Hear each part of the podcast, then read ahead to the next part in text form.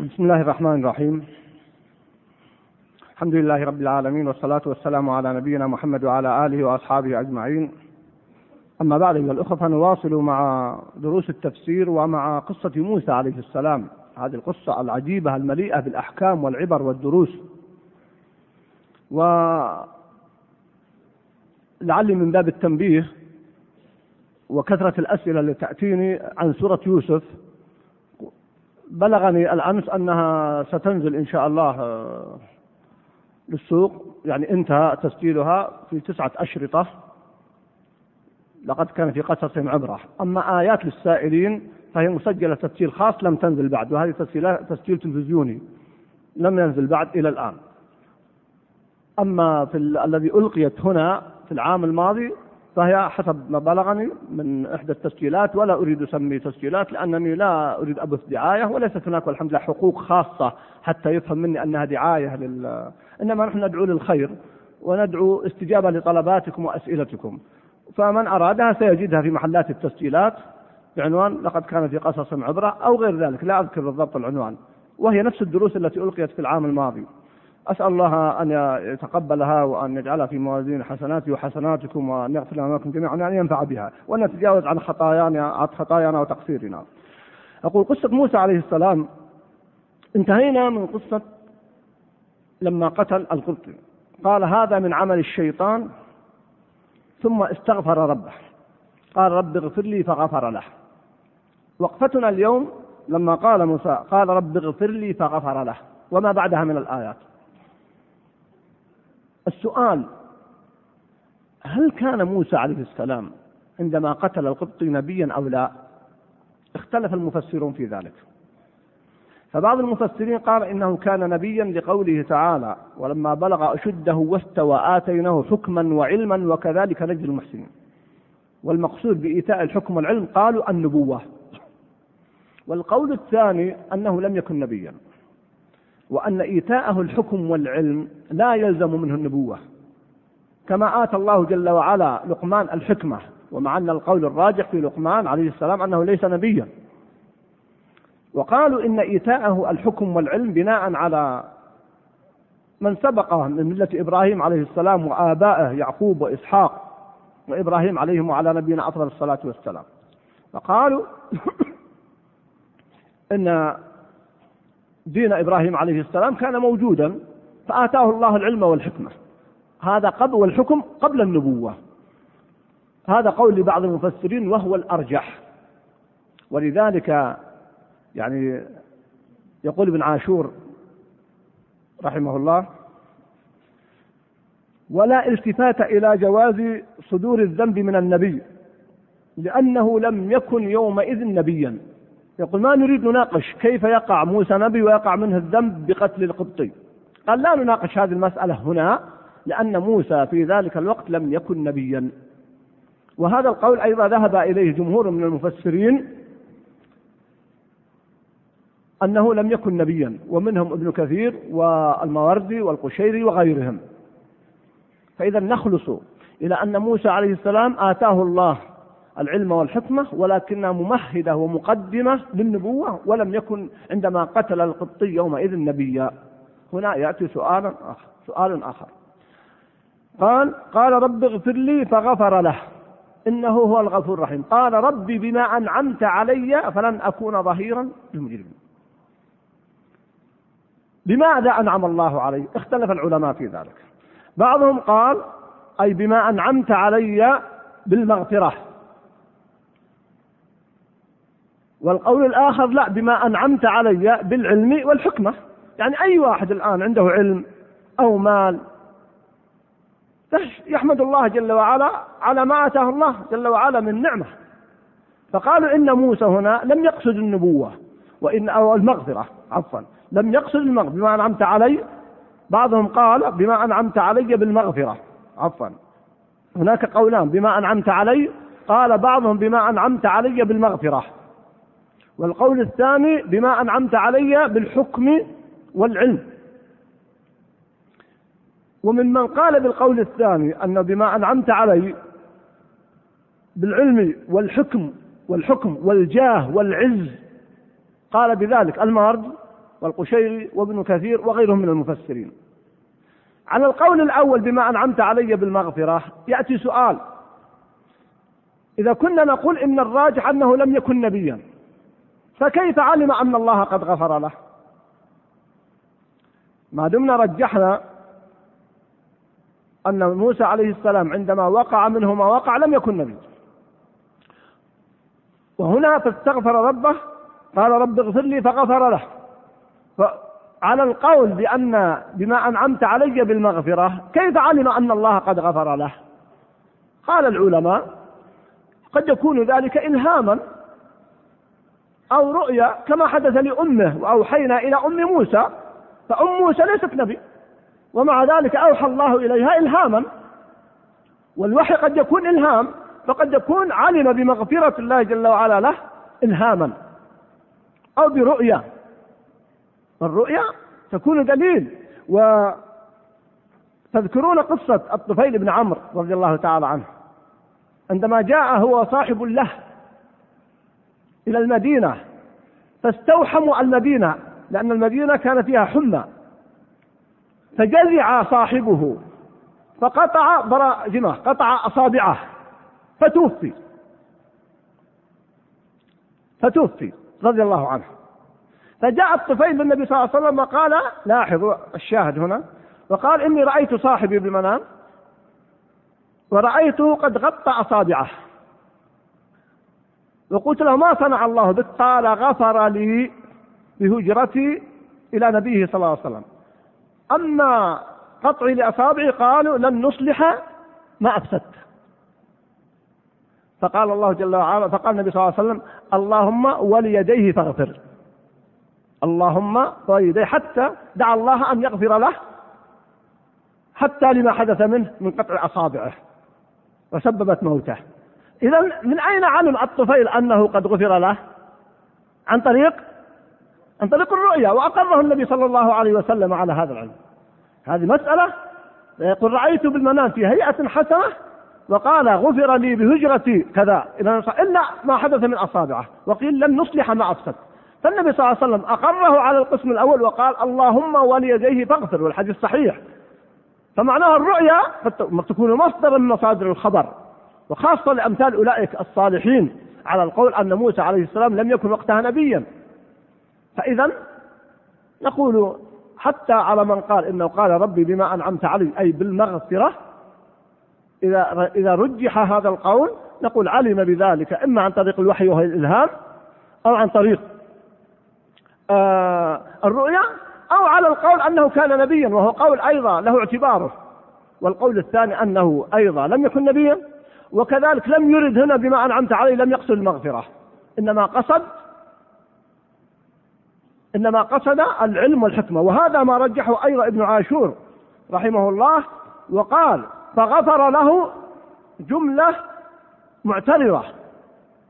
بيان من الله جل وعلا أنه غفر لموسى وإلا قال في الجملة أنه قال يعني كما فلن أكون ظهيرا للمجرمين ربي بما أنعمت علي. هذا قول من أقوال المفسرين والأمر في ذلك واسع والله أعلم.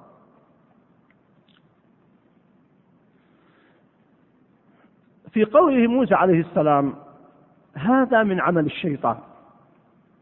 قال العلماء أخذوا من درس أن قتل النفس مستقبح في جميع الشرائع البشرية. فإن حفظ النفوس المعصومة من أصول الأديان كلها. انتبهوا لهذه القاعدة. أخذ العلماء من قول موسى لما قتله فوكزه موسى فقضى عليه قال هذا من عمل الشيطان إنه عدو مضل مبين. قال العلماء لأن قتل النفس مستقبح في الشرائع البشرية فإن حفظ النفوس الم... فإن حفظ النفوس المعصومة من أصول الأديان كلها. وكان موسى يعلم دين آبائه عليهم السلام. قلت تعقيبا على هذا الكلام ولأن الله أعطاه العلم والحكم وفيها ما يتعلق بحفظ النفوس والضرورات الخمس. الضرورات الخمس مما أجمعت عليه جميع الشرائع السماوية. حفظ الدين والنفس والعرض والمال والمال والنسل كل هذه الضرورات الخمس كلها مما أجمعت عليه الشرائع من لدن نوح عليه السلام إلى محمد. ومنها بعد الدين قتل النفس المحافظة على النفس. ثالثا في قوله فلن أكون ظهيرا للمجرمين ذكر العلماء أنه لا يجوز لمسلم أن يكون ظهيرا للظالمين للمجرمين حسا أو معنى. سواء بالقول أو بالفعل أو بالسكوت وهو يقدر على الإنكار. فموسى تبرأ من ذلك أنه لن يكون ظهيرا للمجرمين ولذلك تبرأ من فرعون. تبرأ من فرعون وخرج من قصره كما بينا في الدرس الماضي. فلذلك لا يجوز لمسلم أن يكون ظهيرا للمجرمين أن يكون ظهيرا للظالمين. يدافع عنهم ويبحث لهم عن التبريرات والتأويلات لأفعالهم بدون مبرر شرعي. يعكفون النصوص عكفا ليحققوا ما يريدون. هذه من المظاهرة التي تبرأ منها موسى عليه السلام فلن أكون ظهيرا للمجرمين. والمظاهرة قد تكون بالعمل وقد تكون بالقول وقد تكون بالسكوت الذي يدل على الإقرار إلا لمن هو مكره. من كان معذورا فلا حرج في ذلك. لا يكلف الله نفسا إلا وسعها. ولذلك مثلا الآن هناك أناس يعينون الظالمين فبعض القنوات الفضائية الفاجرة الآن تعان من أناس من أهل هذه البلاد. ميزانيتها على أناس من هذه البلاد من تجار وغيرهم وهي قنوات فاسدة ظالمة وهذه إعانة للمجرمين إعانة للظالمين. أيضا إعانة بعض الجامعات الكافرة فيما هو ضد الدين لأن الإعانة قد تكون نوعين إعانة لجامعة من أمور الدنيا لا حرج في ذلك. لكن إعانة فبعضهم قدم إعانات في هذه الفترة التي أمريكا تحاربنا. نشروا أن شخصا من هذه البلاد وذكروا اسمه. أعان إحدى الجامعات الأمريكية بقرابة مليون أو خمسة ملايين دولار. هذه إعانة ومظاهرة للظالمين ولا شك في ذلك. فإعانة أمريكا ومساعدة أمريكا في جامعاتها وفي مراكزها فضلا عن إعانتها في حربها المباشرة على المسلمين. هذه من إعانة الظالمين وإعانة المجرمين. قال ابن عاشور وقد جعل جمهور من السلف هذه الآية حجة على منع حجة على منع إعانة إعانة أهل الجور في شيء من أمورهم ووجه الاحتجاج بها أن الله جل وعلا ذكرها في معرض التنويه بموسى والثناء عليه فاقتضى أن قوله هذا حق. إذا كان السلف أخذوا من هذه الآية أنها فيها إعانة للظالمين لأهل الجور فما بالك بالذي يعين الكافرين؟ ما بالك بالذي يعين المحاربين لله ولرسوله؟ بقول أو فعل أو مال أو غير ذلك. سئل سعيد بن جبير رحمه الله جاءه رجل وقال له أنا ممن يغسل ثياب الظلمة ويأتي لهم بالطعام وغير ذلك. فقال هل أنا من أعوان الظلمة؟ قال لا. أنت من الظلمة أنفسهم أنت من الظلمة. أما أعوان الظلمة أبعد من ذلك. الأمر عظيم. ولذلك أن يتقي الله المسلم فيما أعطاه الله من مال ما أعطاه الله من صحة من علم. إياه وليحذر حذرا شديدا. إذا كان أخذ السلف من هذه الآية دليلا على تحريم إعانة أهل الجو وهم مسلمون فما بالك بالذي يعين الكافرين؟ ما بالك بالذي يعين اليهود والنصارى؟ ما بالك بالذي يعين القنوات الفضائية الفاجرة الفاسدة التي تأذينا؟ الذي يعين هذه الصحف التي ترون ما فيها من بلاء ماذا نقول عنه؟ والله المستعان. بعد ذلك يقول الله جل وعلا فأصبح في المدينة خائفا يترقب. الخوف على أنواع. خوف مشروع وخوف ممنوع وخوف جبلي طبيعي. الخوف المشروع هو الخوف من الله جل وعلا. فلا تخافوهم وخافوني. هذا هو الخوف المشروع. الخوف الممنوع هو الخوف من غير الله خوفا قلبيا. لاحظ الخوف القلبي. وهذا الذي ركز عليه القرآن فلا تخافوهم وخافوني فلا تخشوهم واخشوني. إن تكونوا تعلمون فإنهم يعلمون كما تعلمون. الخوف القلبي لا يجوز إلا الخوف من الله جل وعلا. أما الخوف الجبلي فهو أن يخاف الإنسان من عدو من سبع من حية ولذلك كما تعلمون موسى عليه السلام فلما رآها ولى مدبرا ولم يعقب. نعم. وأيضا فأوجس في نفسه خيفة موسى.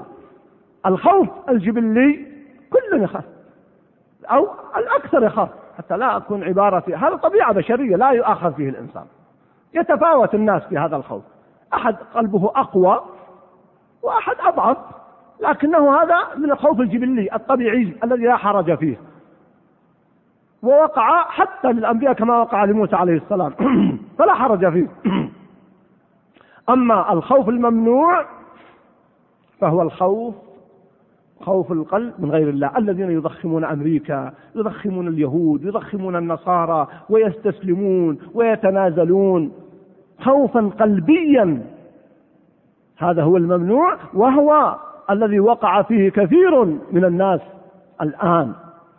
أما الخوف ومراعاة القوة والضعف مراعاة المصالح والمفاسد. الآن علم الله أن في الآن خفف الله عنكم وعلم أن فيكم ضعفا. هذه مسألة أخرى. فلا تدخلوا في هذا الجانب. ولذلك جاء القرآن بالتركيز على فلا تخافوهم وخافوني الذين قال لهم الناس إن الناس قد جمعوا لكم فاخشوهم فزادهم إيمانا وقالوا حسبنا الله ونعم الوكيل.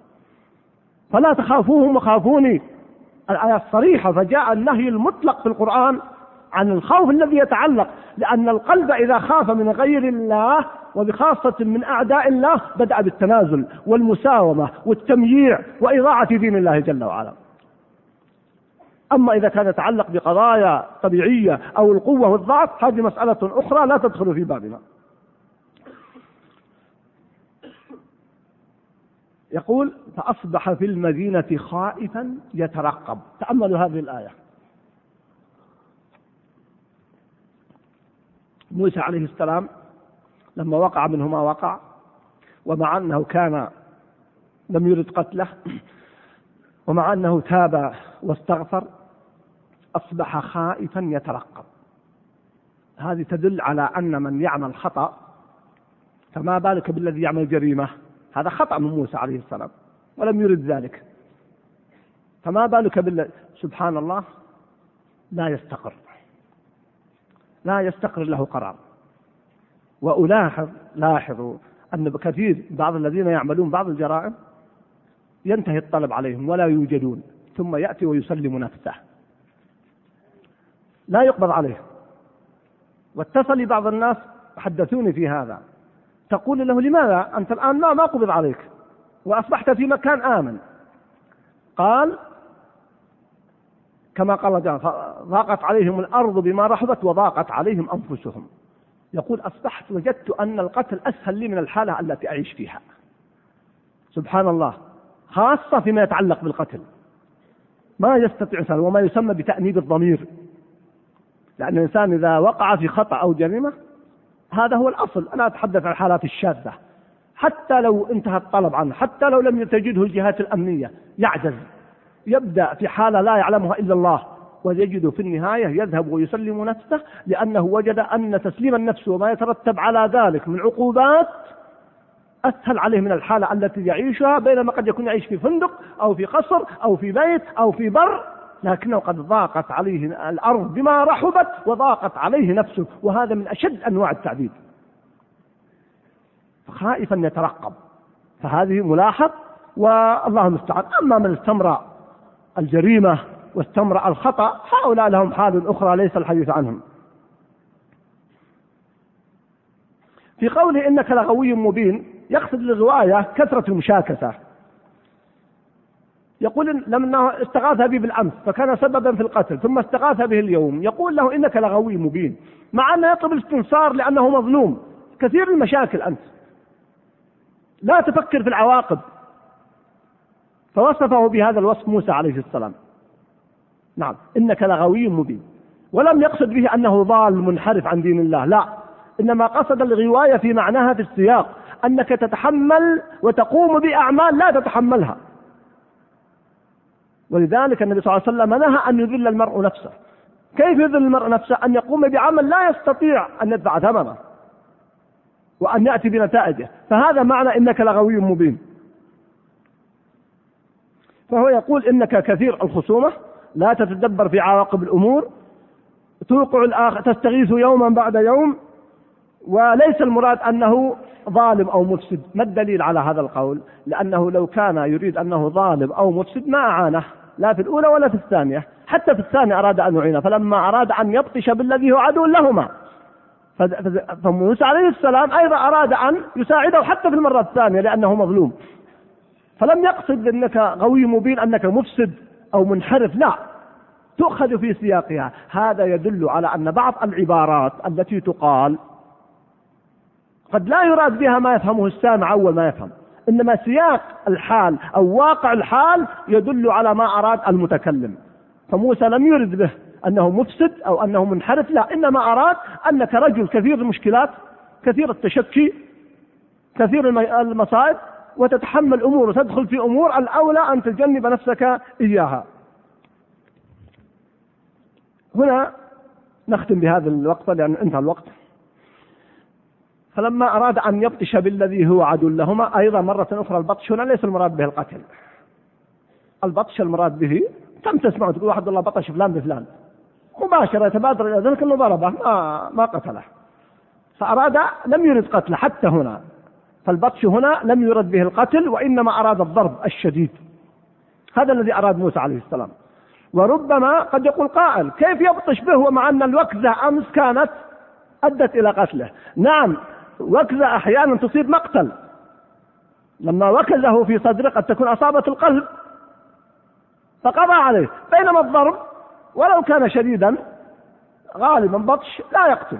وهذا ما نراه كثيرا. فهذه المسألة الأولى. أتريد أن تقتلني كما قتلت نفسا بالأمس؟ من القائل؟ أتريد أن تقتلني كما قتلت نفسا هل القائل هو الإسرائيلي؟ أو القائل القبطي؟ إن كان القبطي ما أدرى كيف علم أن موسى هو الذي قتل بالأمس؟ كيف علم إن كان الإسرائيلي لماذا قال هذا القول؟ مع أن موسى يريد أن يبطش بالذي هو عدو لهما. جاوبوا ذلك إن شاء الله في الدرس القادم. أقف عند هذا الحد. أسأل الله جل وعلا أن يبارك لنا في هذه الدروس وأن يحفظنا وإياكم. وأعتذر عن تأخيركم. وصلى الله وسلم على نبينا محمد. السلام عليكم ورحمة الله وبركاته.